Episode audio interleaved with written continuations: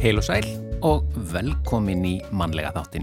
Í dag er mánudagur og það er 7. februar. Og það var með þennan dag, eh, 1481, Sixtus, fjórði Páfi, svaraði fyrir spurt frá Magnúsi Eyjólfsinni Skálholtsbiskupi og sagði í svarinu að um förstu tíman væri heimilt að borða sævarfisk þann sem almennt væri nefndur selur. Já, það verður örgulega verið mjög stórt mál að fá bref frá Páfa. Fá svar frá honum. Og hvað allir þetta hafi tekið langan tíma? Það verður nú á, áhugavert að vita. Já, frá því að fyrirspurning var send. Já, já það Já. mátti sagt borða sel um förstu tíman. Já. E, svo var það árið 1826 sem að bruni varð á Möðruvöllum í Hörgárdal. E, auk þryggja húsa brann mikið af skjölum í eldinum. 1957 uh, hóf útvarp færeja útsendingar. 1958 á þessum degi, Bobby Charlton, Charlton var einn af þeim sem komust lífsaf eftir flugslís í Þískalandi. Átta liðsfélagar hans í Manchester United letu lífið. Fjölbrutaskóli Vesturlands á Akranesi var stopnaður 1977. Svo var það þessum degi árið 1985 sem að Steve Jobs hætti störfum hjá Apple Computer eða það er að segja að hann var látin hætta og svo kom hann auðvitað aftur síðar, næstu tíu árun síðar og, og gerði í raunni, eh, hvort sem maður er að, þakka honum einum fyrir það eða ekki en allavega fyrirtæki var bara verðmatasta fyrirtæki í heiminum eftir að hann kom aftur til starfa. Já. Svo var það vinstri reyfingin grænt frambóð, hún var stopnuð 1999 á þessum degi. Já, og yfir í efni þáttarins í dag. Hvenn heilsa er nýtt teimi innan heilsugjæslu höfuborgarsvæðisins og var opnað í haust, sem sagt svo þjónusta. Nú hlutverk þessa teimis er að sinna sjúkdómum og heilsufarsvanda sem engöngu eru til staðar hjá konum. Steinun Sofaniastóttir Ljósmóðir er einn þeirra sem stendur á stopnum þessarar þjónustu og hún kemur hinga til okkar. Við ætlum að tala um breytingaskeið hvenna en það var eitt af og er eitt af upphafsverkefnum teimisins. Já, við fáum svo glænýjan vingil frá Guðjóni Helga Ólafsinni uh, og í þetta sinn ber hann vingilin að bíldruslum og brostnum draumum í þjóðfræðilegu samhengi. Og lesandi vikunar í þetta sinn er Edda Björg Eyjálfsdóttir, leikona og leikstjóri. Hún leikstýrir síningunni Venus í feldi sem frumsýnd var nýlega í Tjarnabíói og hefur fengið virkilega góða gaggrinni. En við ætlum að fá hana til þess að segja okkur frá hvaða bækur hún hefur verið að lesa undanfarið og hvaða bækur og höfundar hafa haft mest áhrif á hana í gegnum tíðina. En við byrjum á tónlistinni eins og alltaf. Eh, hér er Sigur Guðmundsson og Memphis Mafian Okkar menn í Havana heitir lægið eh, og það er eftir Tómas R. Einarsson og Bræði Valdimar Skúlason samt í textan.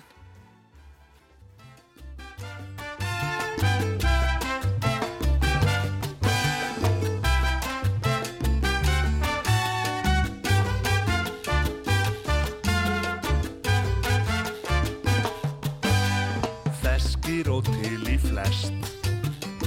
Engum ef sól er sest.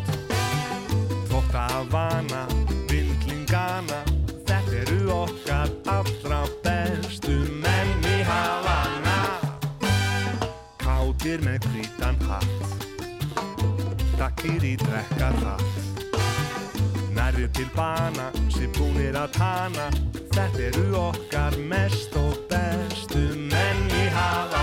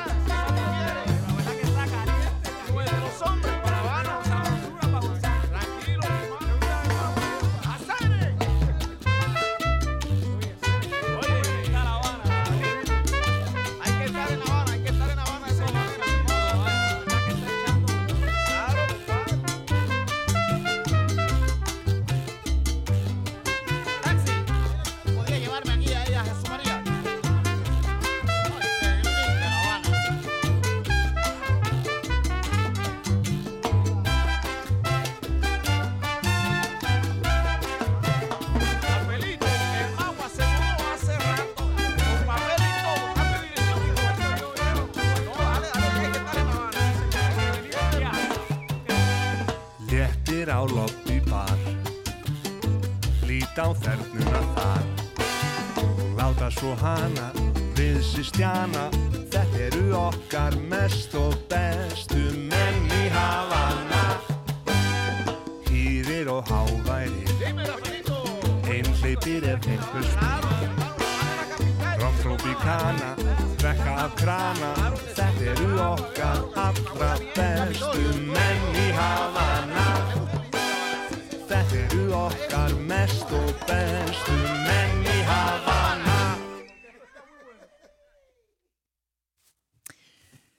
Okkar menn í Havana heitir þetta lag. Þetta voru þeir um, Sigur Guðmundsson og hans félagar í Memphis Mafínu og eins og við sögum aðan lagði eftir Tómas R. Einarsson og Bræði Valdimar Skúlason samt í textan.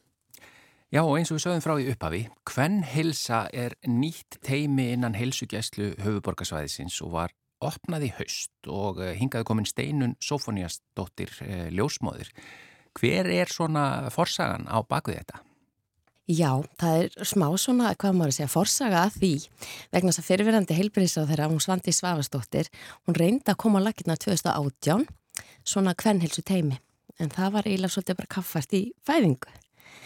En síðan gerist það bara eiginlega síðustu tveimur árum, hefur orðið óbærslu vitundarvakning um breytingaskeiði kvenna og það var til eiginlega svolítið svona grasrót út frá Facebook síðan í breytingaskeiði. Það sem að á sínum tíma allavega þarna fyrir tveimur árum vorum 5.000 konur.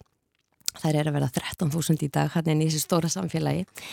Út frá því myndast svona svolítið átakshópur sem að vil bara bæta fræðslu fyrir konur og breytingaskeiði. Af því að þessum tíma er ekki til neitt ofinbært fræðsluefna á íslensku. Enginn sér það gráðgjöf eða þjónusta fyrir konur á þessu skeið og lítið um þetta rætt þannig að við hittumst fyrst í Degarneskirkju svona áhuga konur bara um þetta skeið. Já. og út frá því verður til svona lítill hópu sem ákveður að gera eitthvað meir í málunum. Og við köllum okkur í dag fei, feima, fræðslufélag um breytingarskeið kvenna. Já. og þetta er orðið bara svona gilt félag. En við á þessum tíma, þetta er sömuru 2021, förum sem sagt á fönd hérna Svandísar heilbrísar á þeirra, fáum þar góða áheyrn og hittum síðan hérna fulltrúa frá landlæksembættinu líka og förum og hittum líka e, þróunar miðstöð íslenskar heilsugæslu og erum bara í rauninu svolítið að kynna þörfina fyrir þetta. Ég gerði meistarverkefni um hérna breytingarskeið hvenna þar sem ég tók viðtöl við konur og þar var bara hrópandi þörf fyrir fræðslu, fyrir ráðgjöf, fyrir að gera eitthvað fyrir 50% landsmanna. Akkurat. Þannig að síðan bara líður og býður og svo er það á haustum 2021 og hefur vinkonum í samband við mig sem er hjúknarfræðingur og mikil áhuga manneskum breytingarskeið hvenna eins og ég og hún spyr hvort ég vil hitta hana í kaffibotla.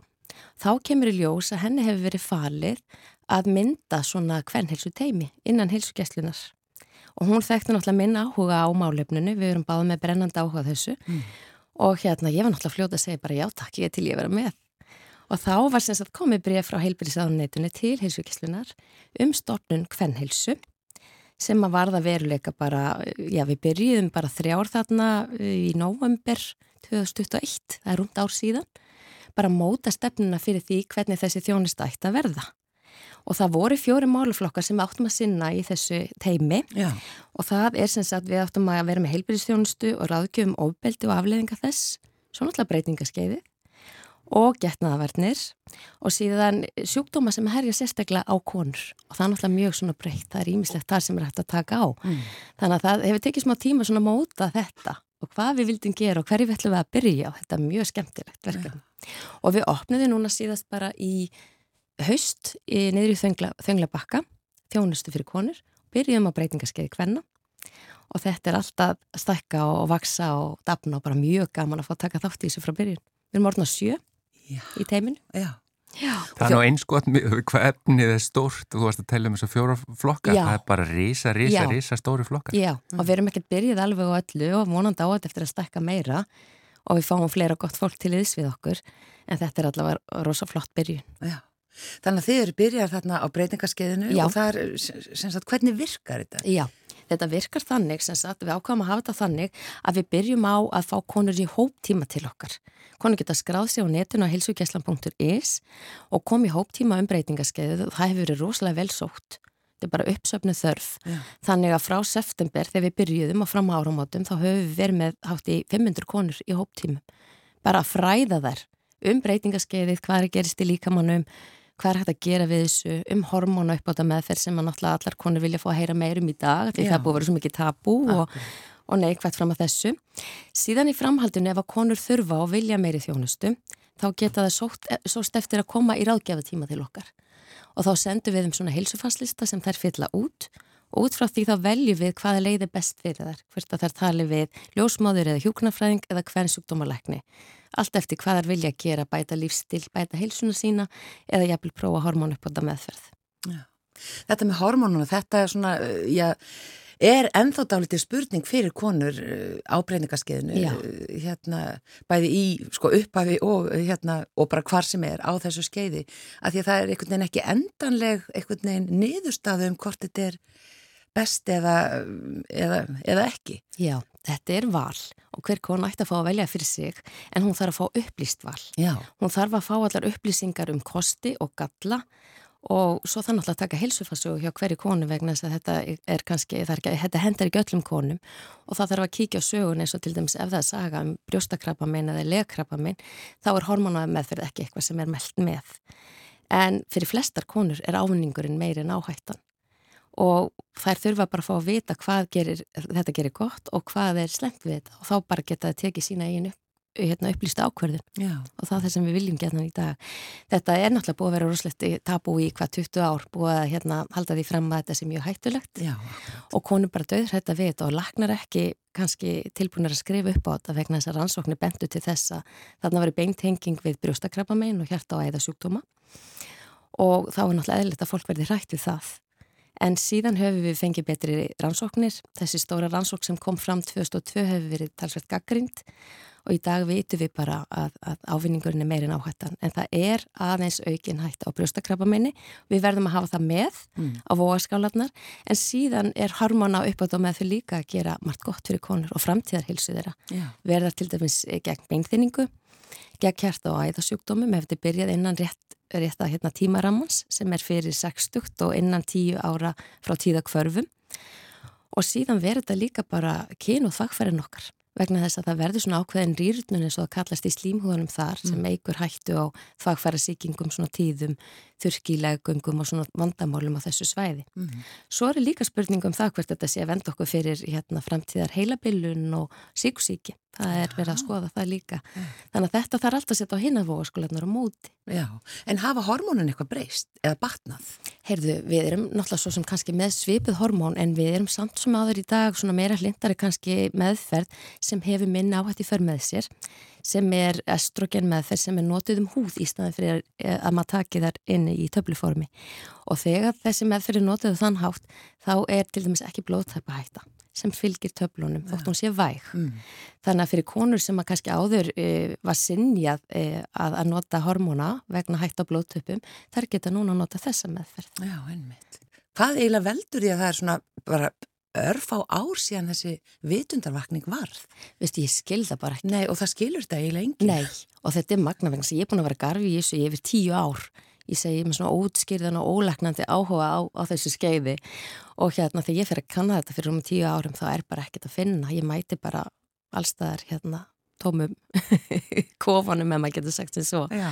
En það hefur orðið þessi vitundavakning og hún kemur úr grassrótunni frá konum sjálfum bara og stafa líklega mikið frá Breitlandi, frá konu sem heitir Louise Newson sem að sjálfu upplýði þetta að hún hérna mætti bara lokaðum dyru þegar hún vildi fá meðferð og hún fór að kanna þetta og hún er mikill frumkvöld og við hefum tekið hann og svolítið kannski hér til fyrirmyndar og hún var hér í það sístu viku á málþingi í Hörpu. Akkurát, Já. einmitt. Og þetta bara, íslenska konur líka eru bara mjög fróliksfúsar og duglegar að afla sér þekkingar. Þær koma til okkar þær vita heilmikið bara þakkláttar fyrir fræðsluna og svo upplifum maður samt svolítið svona kannski sorg og stundum gremjaða reyði við því að hafa mist af þessari bylgu hjá þeim konur sem kannski fóru í gegnum þetta á þess að væri rætt um þetta og kannski fengi ekki þá meðferð sem þær gerðan vildu eða, eða hefðu vilja fá. Já, Já, en ég veit ekki okkur þetta hefur verið svona mikið tapu og ekki talað um þetta og það er eiginlega svolítið sorglegt. Já, að þetta hefur alveg gríðarleg áhrif Óbástleg. á bara lífsgæði Mjög og þetta mikið. snerti svo marga, marga fleti bara. Þetta er bara, veistu það, að sjálfsmarstíðinni hún er aukin hjá konum á þessum aldri, það eru fleiri skilnaðir, konur hérna fara frá vinnumarkaði, þær fara í kulnun, Það er verið að skoða alla þessa þætti vegna þess að það er svona fjórðungur eða þriðjungur kvenna sem fer í gegnum breytingaskeiði með mjög erfið enginni og þetta eru konurna sem ég til dæmis valdi að tala við í minni rítgerð vegna sem ég fasta svo faldar í samfélaginu. Það var ekkert verið að tala um þetta og hugsa hvað er þessu konur? Hvernig líður þeim? Og þeim leið bara hörmulega. Þær lokuðu þessu af, þær fundi ekki samhljóm með konum í kringum sig sem voru að upplifa minni enginni og þær held að þær verið að vera geðveikar einlýsti því nú bara að hann langa ekki að lifa lengur. Og þá uppgötu hann á mammenur og amma. Það reyndu báðar að taka lífsitt á þessum tíma. Þannig að það var svona óbáslega sterk ættasaga um, um bara áhrif hormona á þessa andlegu líðan. Og hún sem betur fyrir þekkti söguna gætt gripið inni og fekk bara nýtt líf með því að fara hormona sem dæmi, þetta er bara dæmi. En þetta heyru við ekki út í samfélaginu. Nei. Og þetta er sko, mér finnst svo merkilegt að hlusta á þetta líka hvað þetta kemur seint upp og ég bara sé hérna viðtal við þig frá því í oktober Já. í fréttablaðinu þar sem þeir eru að tala um að við kallar, við vitum ekki neitt og höfum ekki vita ef að það hefur ekki verið umræðan hjá konum almennilega og fræðsla og annað eh, og, og það er bara fyrirsögnin á viðtölunum frá því oktober, karlar vilja stiðja konur og breytingaskeiði en skortir þekkingu. Akkurat, og því- hvernig hefur karlar að vita þetta? Við konu vitum valla hvað við erum að gangi í gegnum. Eins og bara hérna fyrir tveimur árum síðan því ég er að klára mína rítgerð og einn kona segir ég er sprengmentu kona en ég veit ekkert hvað er að gerist í líkamannu mínum. Og hvernig á makið minn þá að vita það líka. Þess vegna þurfum við að tala um þetta. Og rannsóknir sína meitt sko að karlmenn vilja styðja konur sína í gegnum þetta skeið, þeim skorti bara þekkingu. Já. og konur vilja fræðast en svo eru sumar konur líka í afneitun. Og stundum er það makarnir sem að fara á stúfana og fara að afla sér þekkingar af því að þeim finnst að konan sín hafi breyst og það sé eitthvað í gangi. Þannig að þeir vilja gætna vera til staðar Svo náttúrulega önnur, umræði eins og við vorum að ræða hérna þess áðan að karlmenn fara líka í gegnum sitt eða breytingaskeið og það vitum við kannski ennþá minna um og þurfum líka að ræða. Mm. Þannig að það er svo mikilvægt að við tökum þetta upp á yfirborðið og tölum bara um hvernig okkur líður, hvað við erum að fara í gegnum, fáum þekkinga á því og þá getum við gert eitthvað í því. E, eru karlar velkomnir á svona já, fyrirlestra hjá ykkur? Sko við höfum verið að gera tilrunni með að vera með svona para hérna hópatíma Já. en við þurfum sjálfsagt að auðlýsa það svolítið betur vegna þess að ég held að það sé alveg áhugið til staðar en, en hérna fólk viti kannski ekki að því. Nei, akkurat. Og þetta kvennheilsu teimi, það, sem sagt, hvar finnur fólk hérna, upplýsingur um þetta? Er þetta bara á heilsuveru? Heyrðu, þetta er sem sagt á Heilsugæslan og maður fer undir sér þjónusta og þar getur maður fundið ímis námskeið og þar á meðal námskeið fyrir konur og breytingaskeiði. Og þar eru við líka með lífstilsnámskeið fyrir konur og breytingaskeiði sem vilja kannski framhaldi bæta lífstilin því að hann skiptir miklu máli, mataræði, reyfing, streitustjórnun og svepp er eitthvað sem við getum öll unnið með og, og yfirleitt bætt að einhverju leiti og það hefur áhrif á einnkynnin og líðan okkar vegna þess að allt sem við gerum það hefur áhrif á hormonakerfið okkar þetta er svona aðlugunarferðli Mm. og með því bara bæta það hvernig við hérna lifum, þá getum við líka bætt einnkynnin og hjálpa líkunum að fara í gegnum þetta aðlugunarferðli á sem bestan hátt. Já, Það er alltaf grunnurinn, hvort sem við veljum upp á það meðferðið ekki. já, akkurat. Já. Og, þeir, og það er hérna breytingarskeiði núna sem þið eru að hérna taka svona fyrir Já. í teiminu. Jú, Og, og hvað er næst? og svo erum við líka byrjaðar að vera með hérna sagt, eh, þetta, lífstilsnámskeið síðan erum við með e, líbódem eða fytubjúksnámskeið það er hún Erla Gerður sem er yfirlæknir. Hún er náttúrulega helsti sérfræðingur í meðf- meðferð á fytu en það er sjúkdómi sem herja sérstaklega á konur og líka mjög falinn og fólk veit lítið um hann.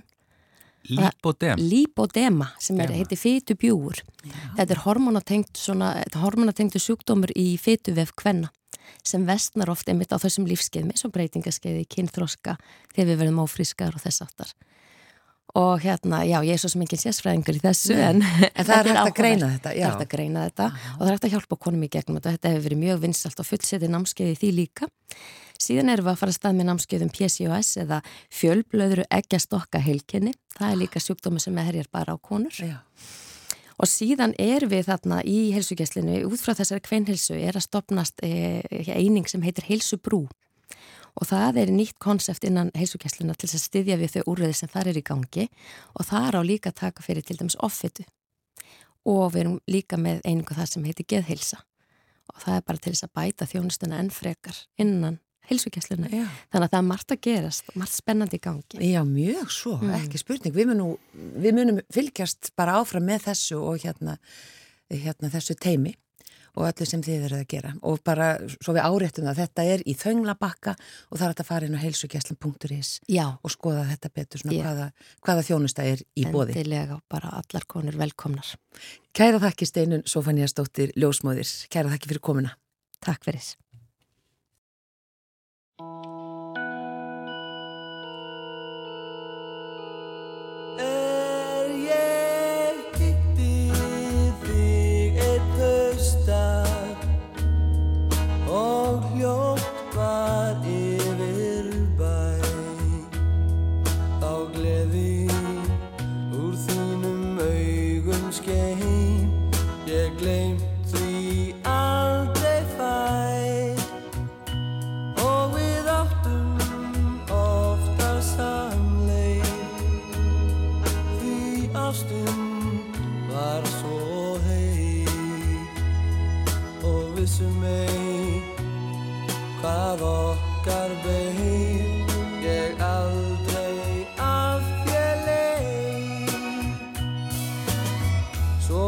Sá dagur sem sárnaði mér. Svo stund þá brást ég þér. Ástinn mín einn Alltaf mun ég sakna þín.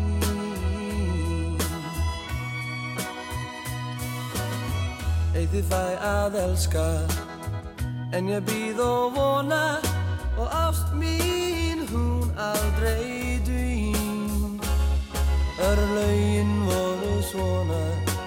Alltaf mun ég sakna því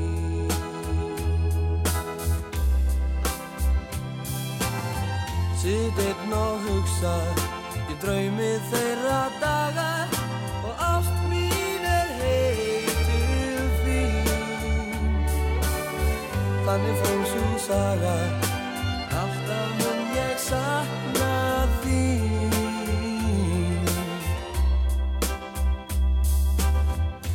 ég fæ að elska. En ég býð og vona og ást mín hún aldrei dvín. Örlaugin voru svona Alltaf mun ég sakna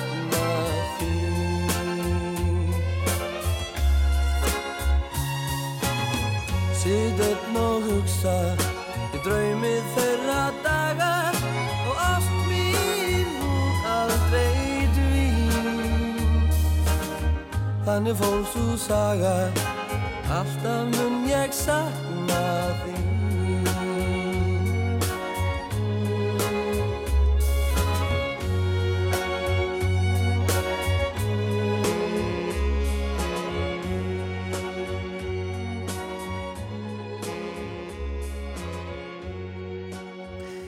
Rooftops og Ari Jónsson þarna uh, að syngja Þetta er erlendla en Ómar Ragnarsson samti þennan texta. E, þá er komið að nýjum vingli frá Guðjóni Helga Ólafsinni. Ágætu hlustendur, vonandi er hljóðvistin sæmilega hjá okkur í dag. Hundurinn er með eitthvað hósta og það er óttalegt rók hérna úti, en við skulum sjá hvað setur. Ég var búin að heita sjálfur mér því að minnast ekki oftar á snjó í vetur en get ómögulega hamið mig á meðan hann er að koma og fara hérna hjá okkur. Skablinn stóri fyrir norðan hús verður örglega fram á vorað bráðuna með þessu áframhaldi. Læðirnar byrtast hér hver af annari eins og heibakkar og færibandi. Jújú, ég bý á Íslandi og nú er februar. Ástandið er sannilega óumflíjanlegt. Ég er stundum að kenna snjónum um eitthvað sem hann á ekki endilega skilið, eins og til dæmis bilanir hinnum ímsu tækjum hér. Varmadælan gafst til dæmis upp um daginn og þegar ég ætlaði að grafa vinnubílinn minn upp úr skabli hérna heima á nýja árinu fór nú ekki betur en svo að ég mölvaði honum afturrúðuna og bygglaði skottleran. En snjórin sem slíkur skemmti auðvitað ekkert. Allir ég ekki eitthvað hlut þar að móli sjálfur. Þór heitin Vigfússon sem lengi var skólameistari við Fjölbjörnarskóla Suðurlands vildi meina að allt rettaðist alltaf. Strákar, hvernig hefur ekki allt rettast, fengum við stundum að heyra þegar að bölmóður bankaði á dyr. Og ég held að það sé alveg rétt aðtúað. En á meðan allt er að rettast á sjálfu sér er alveg upplagt að reyna hvað hægt er til að laga það sem er bilað og maður getur nutað í sjálfur. og það hef ég nú helst haft fyrir stafni undanfarið á milli þessum aðtapnir daglegs lífs krefjast aðtegli.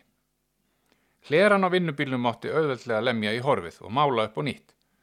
Þröstur í Þormóðsholti átti til rúðu á væguverði og ég fekk alveg ljómandi móttökur eins og æfinlega hjá vinnum mínum þeim Brynjari og Guðrunu í miðhúsum sem ég heimsótti í leiðinni þegar ég skrappetti glerinu. Einlega ætti ég að þakka snjónum fyrir að afhenda mér hérna tækifæri til að skreppa að bæju og skoða landið. Frekar hérna nöldra þetta sínt og heilagt. Og stundum er bara ágætt að dunda sér við að laga eitthvað bila drasl og dót, sérstaklega ef ekkit liggur á og nógu til að kaffi. Sem aður heppin er eigandi hins bilaða munar líka þakklátur fyrir viðvikið. Ég lagaði til dæmis bremsur á Volvo-bíl fyrir konu um daginn og fekk rempingskoss í staðin. Bara virkilega innilegan. En svona áðurinn að bílastæði mitt fyllist af biluðum bílskrjóðum og fólki með stút á vörum er rétt að nefna að ég hef verið giftur fyrir nefndum Volvo-eiganda í aldarfjörðung og hefur hún enga rétt á slíkum kjörum. Auk þessi bílastæði fullt af biluðu dóti sem ég á sjálfur og sér ekki högg á vatni og stundum sér mikið lagað. Þjóðfræði bílskrjóða og brostina drauma er skemmtilegt viðfangsefni og við Örn Gunnþórsson, þjóðfræði stúdiósus og vinnur minn, höfum rannsaka þau í nokkur ár með góðum árangri. Fólk lítur faratæki nefnilega alls ekki sömu augum. Sumir vilja bara tæki sem kemur þeim á milli staða með sem einföldustum hætti og þurfa ekkert pjatt.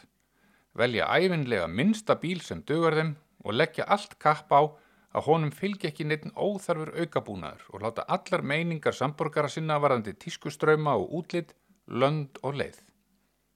Þessu fólki hefði verið trúandi til að kaupa sér splunkunían og karrigulan Fiat Multipla árið 1998 þvert á ráðleggingar, vinasinna og ættingja.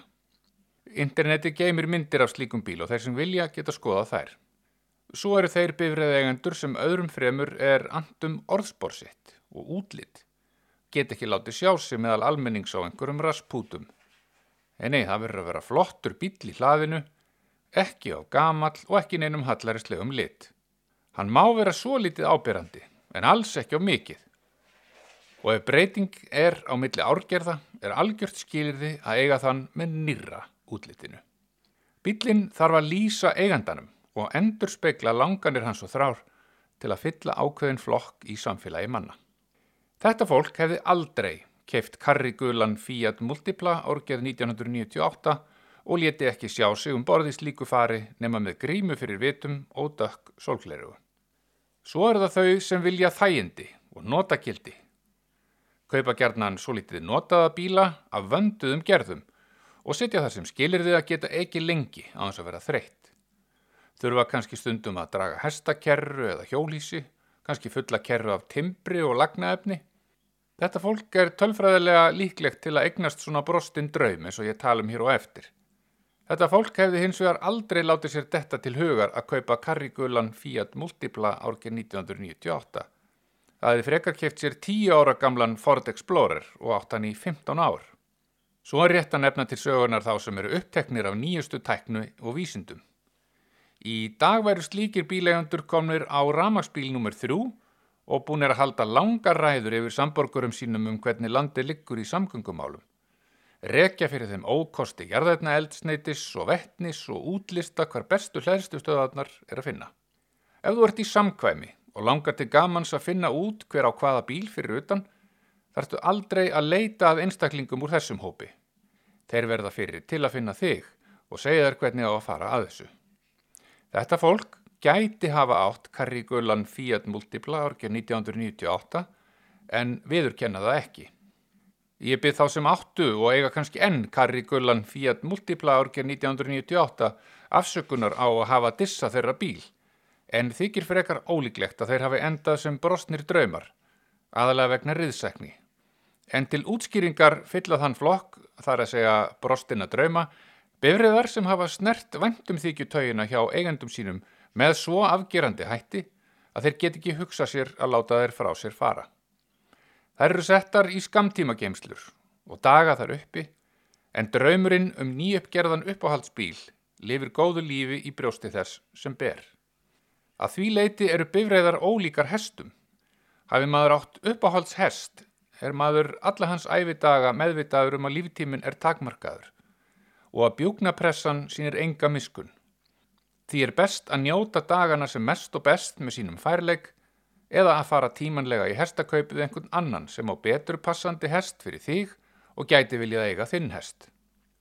Verði þinn uppáhaldshestur fyrir skakkaföllum eins og til dæmis meðslum eða veikindum eru mögulega líkur á að hann jafni sér bara sjálfur, án aðstóðar eða með aðstóð.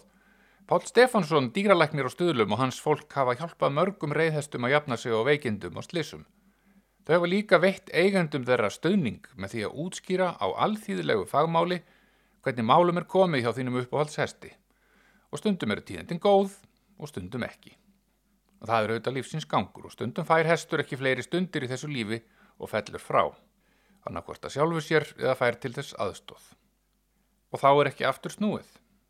Við fáum okkur annan hest eða þjálfum hest úr engasatni til að taka við hlutverki þessum fjell.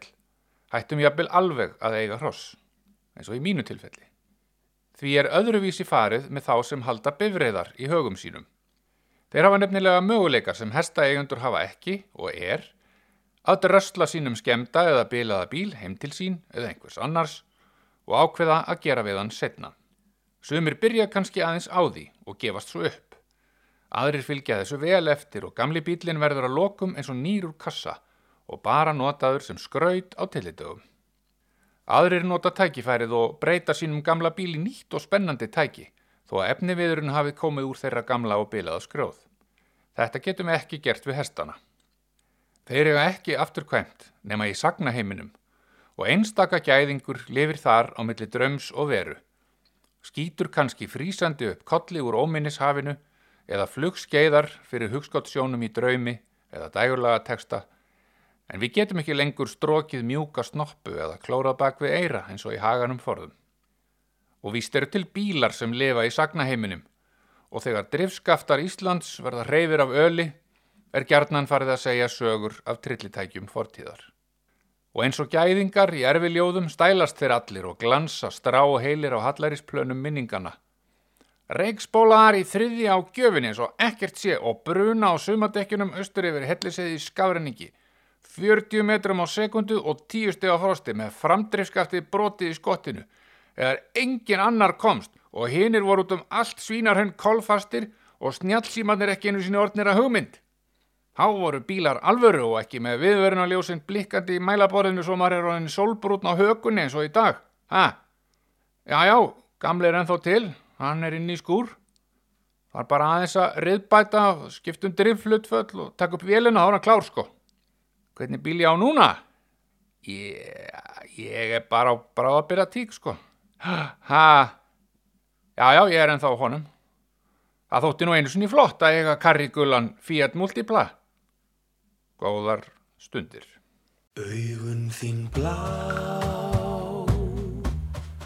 eru mitt ljósa ljós Munnur þinn hýr rósa rós. Öll ertu lík. Álfum í skó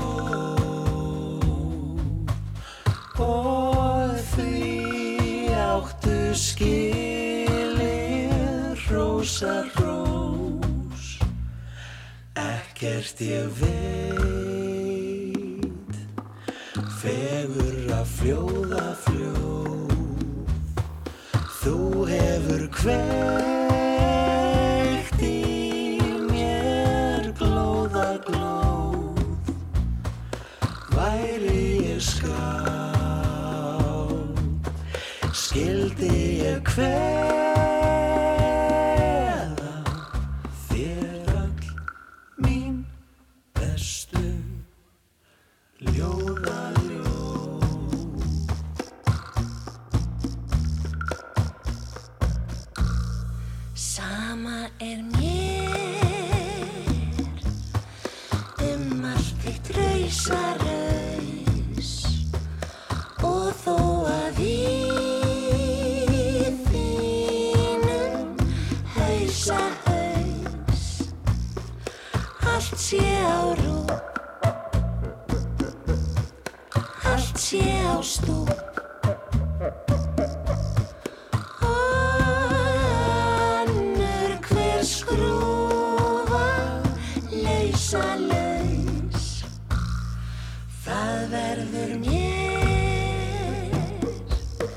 sannköllu fróa fró.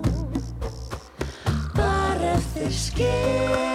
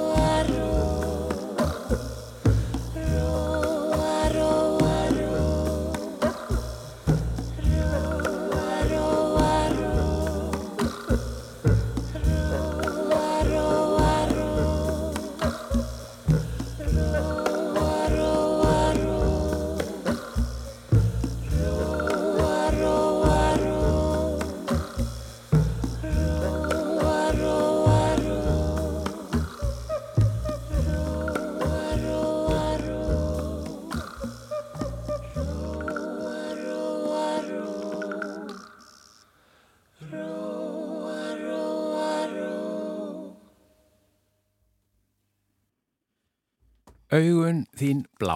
Þetta er, eh, var Sigriði Tólasíus og upp á hellingarnir og uh, lægið er eftir uh, auðvitað þá Jónas og Jón Múla Árna sinni.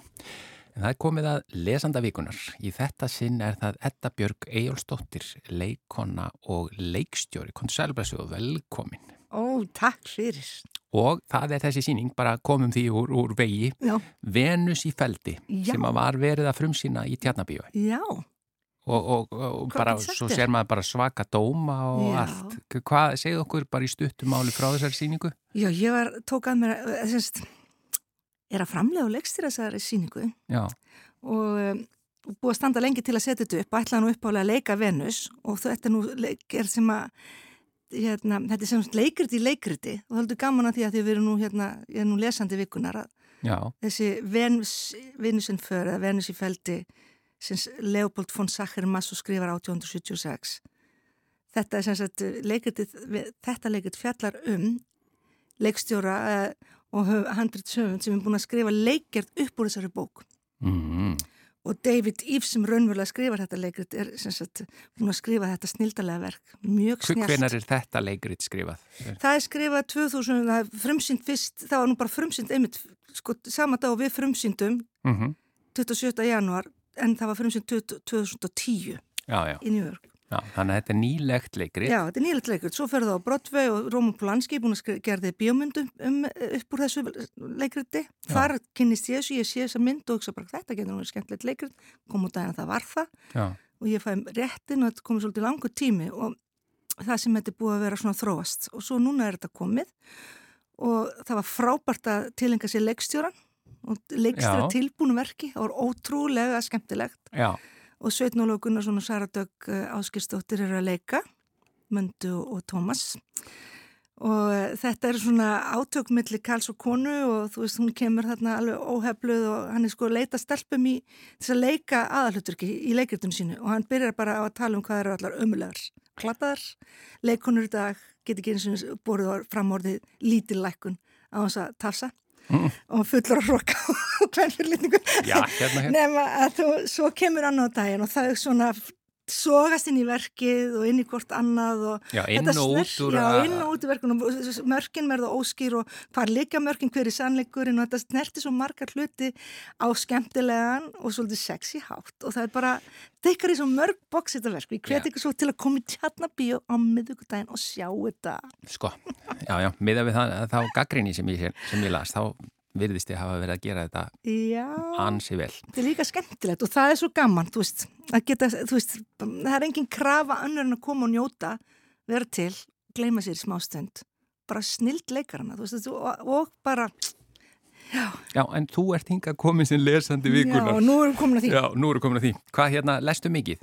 Ég les alltaf mikið, Já, en ég, einhverja, ég, ég las til dæmis rosalega mikið sem krakki unglingur, svo koma svona tímabila sem ég les kannski minna, já, svo koma tímabila sem ég les meira, eða svo er ég fann að hlusta líka talsett, Já, já, sem er bara mjög vaksandi Já. núna og er bara mjög skemmtileg leiða því þá getur maður verið að gera annað í leiðinni Já. og að segja hérna áðurnu fórum í lofti að þú hlustaði stundum meðan þú að því að við, þú Já. komst nú í þáttin og sagður okkur frá þessum Já. svakalega þjóðbúningi sem þú varst Já. búin að, sem, og síndur okkur meiri sér. Já, alveg rétt. Já, e, og þá varst að hlusta mikið Þá meðan þú varst hlustaði rosalega mikið og elskaði að vera í þessari búbli. Ég hlakkaði bara til að koma heim fyrir sauma eða gekk vel að sauma ég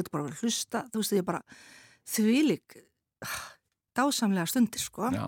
Ég las rosalega, ég hlustaði rosalega mikið á bókum með ég var að lesa. En þú komst með Sem- tvær bækur með þér. Hva, ef við vindum okkur bara í hvað þú hefur verið að lesa svona undanfarið innan gesalapa. Já, mér langaði nú samt bara svona, veist, að því að það er svona vörður sem að maður er, veist, fær hérna í gegnum tíðina, sem að, þú veist, bara bækur verða svona svo litli gullmála sem maður langar helst að hafa með sér. Já, og þar eru bækurnar hans Þorbergs og til Láru til dæmis eða og þú veist Haldur Lagsnes og heimsljós þú veist þetta verður svona stendumann einhvern veginn svona hjartamanni næst sem er karakterar og já, svona sem að hafa fyllt þér bara í gegnum tíðina. fylgja manni einhvern veginn áfram og, og gerði nú líka með henni sér síningu upp bókunum hans Þorbergs eða samtalsbók við hann Já, og svo voru, þú veist, bækur eins og hús Andana eða 100 ára eimsend, ilmurinn, þú veist, ég át hana alveg bara upp, þú veist, ég bara, ég gæti ekki, ég gæti ekki, var viðþólslaus við henni búið með bókina já, já. Og glæpur refsing, það er svona þess að sena, þú veist, þannig að reyna félagskarskrifina suma bækur, suma senur í bókum eru þannig að maður bara sér þetta ljóslifandi fyrir sér bara í bíómynd, sko. Já, og, og það kenna mann svo mikið að meistarinn Margarita, veist, allt þetta svona veginn verður eiginlega, með manni, þú sko ert eiginlega að snúa þessum lið á kvolf því að þú ert að byrja á að tala um alla bækurna sem að hafa haft áhrifaði gegnum tíðin sem er Já. allt í góðu. sem er allt í góðu. Já, og ég verður alltaf að fara hans yfir þetta því að hvað maður kemur sko, það sem maður er að lesa og og ævintirinn uppálega, það er aðalmálið. En það sem ég, það er, ég ætla að falla um þrjár bækur. Já, sem þú hefur verið að lesa svona undan sem ég að undanfarið. Meina, ein fyrsta bókin er útlendingurinn og Já. hana bara las ég fyrst þegar ég var unglingur Já, býtu eftir hvern aftur? Albert Camus, Já, já, Albert já, Camus. Já. og þar er hérna, þetta er bara bók sem situr svo svakalega í manni, þú veist, þetta er eina af þessum vörðum. Já, og maður lesa hana fyrst. Og svo alltaf þegar maður kemur að henni aftur þá kemur eitthvað nýtt. Hún er svo fer inn í undirmeðutundina mhm. og hún kastast fram svo mörgum spurningum og þú veist þessi ef þú þekkir þessar bók þið- Ég nefnilega hef ekki lesið hana, segðu svona stuttumáli. Þetta fjallar um Marso sem er, um, hann hérna missir maður móðu sína og hann uh, hérna jarðar hana en hann sýnir engar tilfinningar. Þetta er rosalega lástand bók Mhm. og hann uh, hérna fer nýra strönd og hann er hann í sandinum og blazing sun og þú veist að sólinn brjálar alveg ofsandi, þú veist blindandi sólskinn alltaf, mikill hiti vatn, gauðlega, þú veist týstur og hittir Maríu kæristu sína, hann veit ekki hvort hann, hún spyrir, en elskar mig, ég veit ekki, þú veist, alltaf, hann hefur alltaf þetta val, en þú veist, hann er svona aldrei í mikill tilfinningasemi og svo nákarna sem hann, þú veist, ádóldi yllumdum við og, en, veist, ég get ekki farið inn í allast sögðraðin, en hann endar á því að fremja morð. Og eða var það hittin sem var til þess að hann allt inni bara dreipur hennan mann á strandinni eða var það að hann blindar sól eða, þú veist, þetta er eins og þetta sé, þú veist, tilfinningarnir eru alltaf setta svolítið niður. Og svo er dæmt í þessu máli og hann vil meina að hann er dæmdur til döða og hann vil meina að hann hafi verið dæmdur til döða fyrir að gráta ekki móður sína því að hann síndi enga tilfinningar og greit ekki og, og fór bara daginn eftir og gerði eitthvað allt annað og fekk skaffi og, og fólk er bara, þú veist, hann er einhvern veginn ekki í norminu varandi samfélagið en hann segir alltaf satt Já, og þú veist, og Albert er það-. Camus- já, og þetta, er- maður verður að lesa þessa bóka því hún maður fer einhvern veginn svolítið að halda með honum þó að það réttlæti aldrei nátt- náttúrulega aldrei það að drepa mann en er, er ég að lesa rétt inn í að það sé hægt að lesa ansi margt inn í þetta, Já. þetta er eitthvað skonar uh, myndlíking eða Já, eitthvað þetta slíkt? þú veist, þannig er Camus svolítið líka fellum, sko, hann var hrifin að þessari filosófi um, um absúrdisman, eða fáránleikan og Já. til hvað sér allt þetta líf, er þetta ekki bara fáránleiki og Já, já, já. hver er tilgangurinn og, og her, kannski getur þá maður- verið karakterin staði fyrir það og, og svona, það er svo margt sem þetta snertir, þetta er svo mar, marglaga og það er það sem er svo frábært. Það er einhver undirteksti, það er einhver önnur saga bak við söguna já. sem að er blundar í þér og þú ferð að hugsa kannski þetta er út af þessu eða þessu eða. Að lesandin fær svona eh, færi til að lesa í. Já, já, sem er oft ótrúlega skemmtilegt. Já ekki allt klárað fyrir mann. það er ekki eitthvað allt klárað, svo sannlega ekki. Og þetta er bara náttúrulega eitt af þessum stóru vörðum bara í bókmyndum Allt í lagi, útlendingurinn eftir Albert Camus, eh, út alveg Það er eftir þetta að þig bara hlusta á hérna. hana, Stefán Jónsson leikar lesana. Já, já, Svakalega inn á vel. Storytel þá eða, Æðislega, já. já.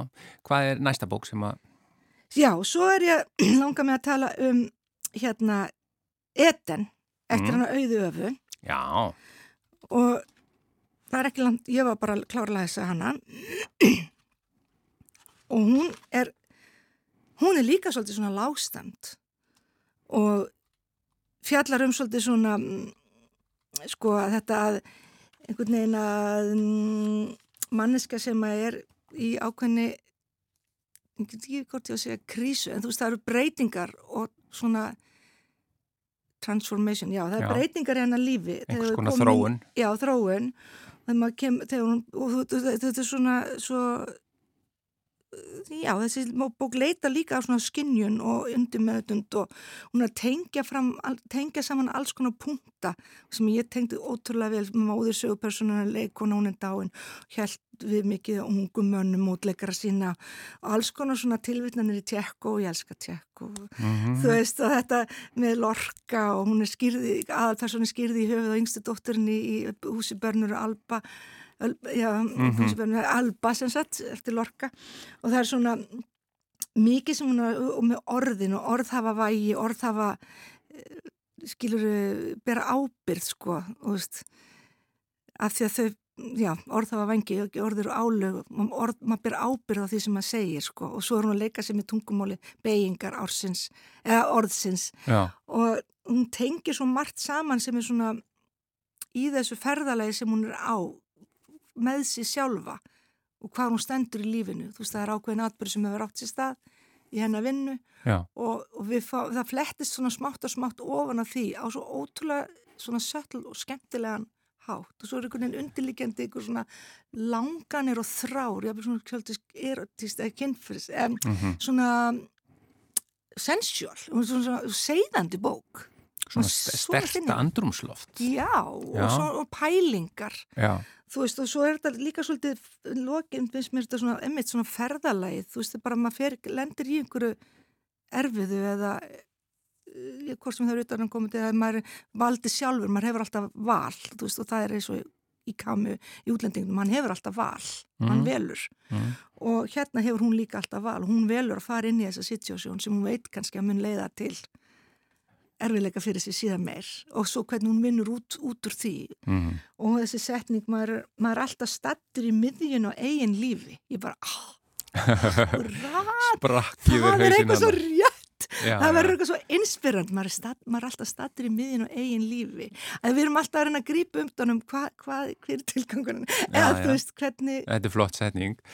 En ég les bæði útlendingurinn og, Eden, þessi, þessi báðar þessar bækur sem þú tala um að það er að verða, að verða svona einhver svona aha-moment í Já. þínu lífi. Ah, einhver tenging svaka sterk. Já, Sem er svo gaman. það er ótrúlega gaman þegar það er svo les Já, að tengja Að á einhvern þessu- tilfinningarlega eða hvernig sem það er. Akkurat, og, og etin er einhvern veginn að tengja sko bæði svona út í kosmist eða ferðalagi lífið í- og allt það sem maður kemur og það sem maður, og þanga sem maður er að fara og allt þar á milli. Já, Þannig og þá komum við kannski að þriðbókinni þriðbókin, já, sem að heitir Loving Kindness já, og er eftir William R. Miller.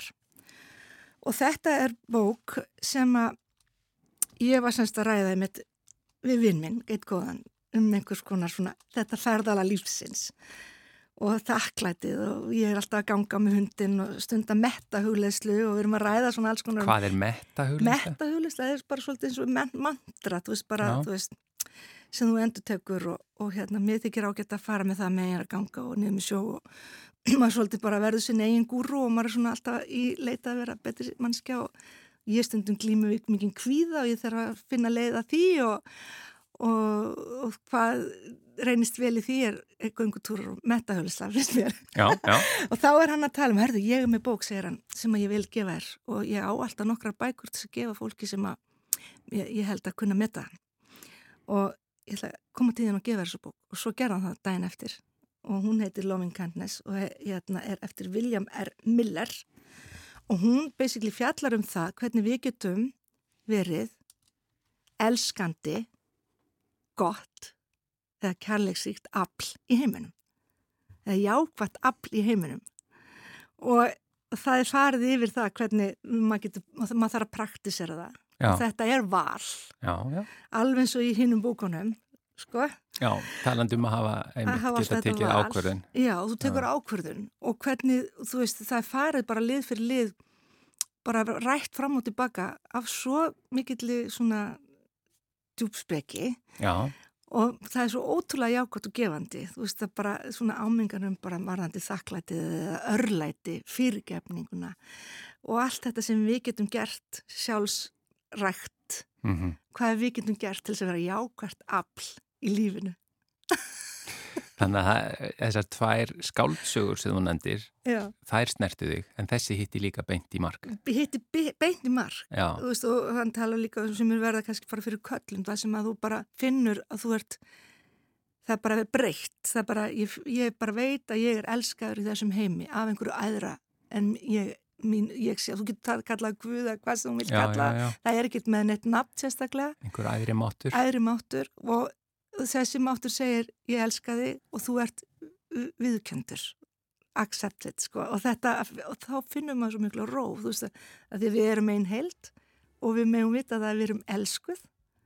Og hvað getum við gert til þess að, að breyða það út og vera elskandi afl í allífinu Þetta við skulum láta þetta bara, þetta voru mjög góð loka orð hérna. Þú bara aðeins til að súma aftur upp hvað, þú sagðir hefði haft mest áhrif að það var Þórbergur og Lagsnes og Já. Bulgakov var það ekki og einhver, Jú og hérna sko ég las nú Dave Grohl í, hérna, þegar ég var að sauma búningin og, og Þóru Biskustóttir og Dave Grohl, Dave Grohl, já, trommuleikara, já, já, í Foo. Fighters og Nirvana, já, já, Foo Fighters. Yes, hvað segir sjúklega skemmtileg Þannig að þetta er, Já, 100 ára emsend, já, hús Andan Já, Isabel já. Allende, þú veist, þetta er svona þessi, heimur, sko, þetta ég held að komi alltaf að því ég var svo sökkur á, á ævintýri, barnasku, já, ævintýri æskunar og grímsævintýri og þjóðsjóður Jóns Átnarsson, svo er eitthvað svona gamalt og font sem ég alveg rosalega gaman lesum og ég held ég sé svona slæta inn í, sko, æfisögunar, það finnst mér til að gaman.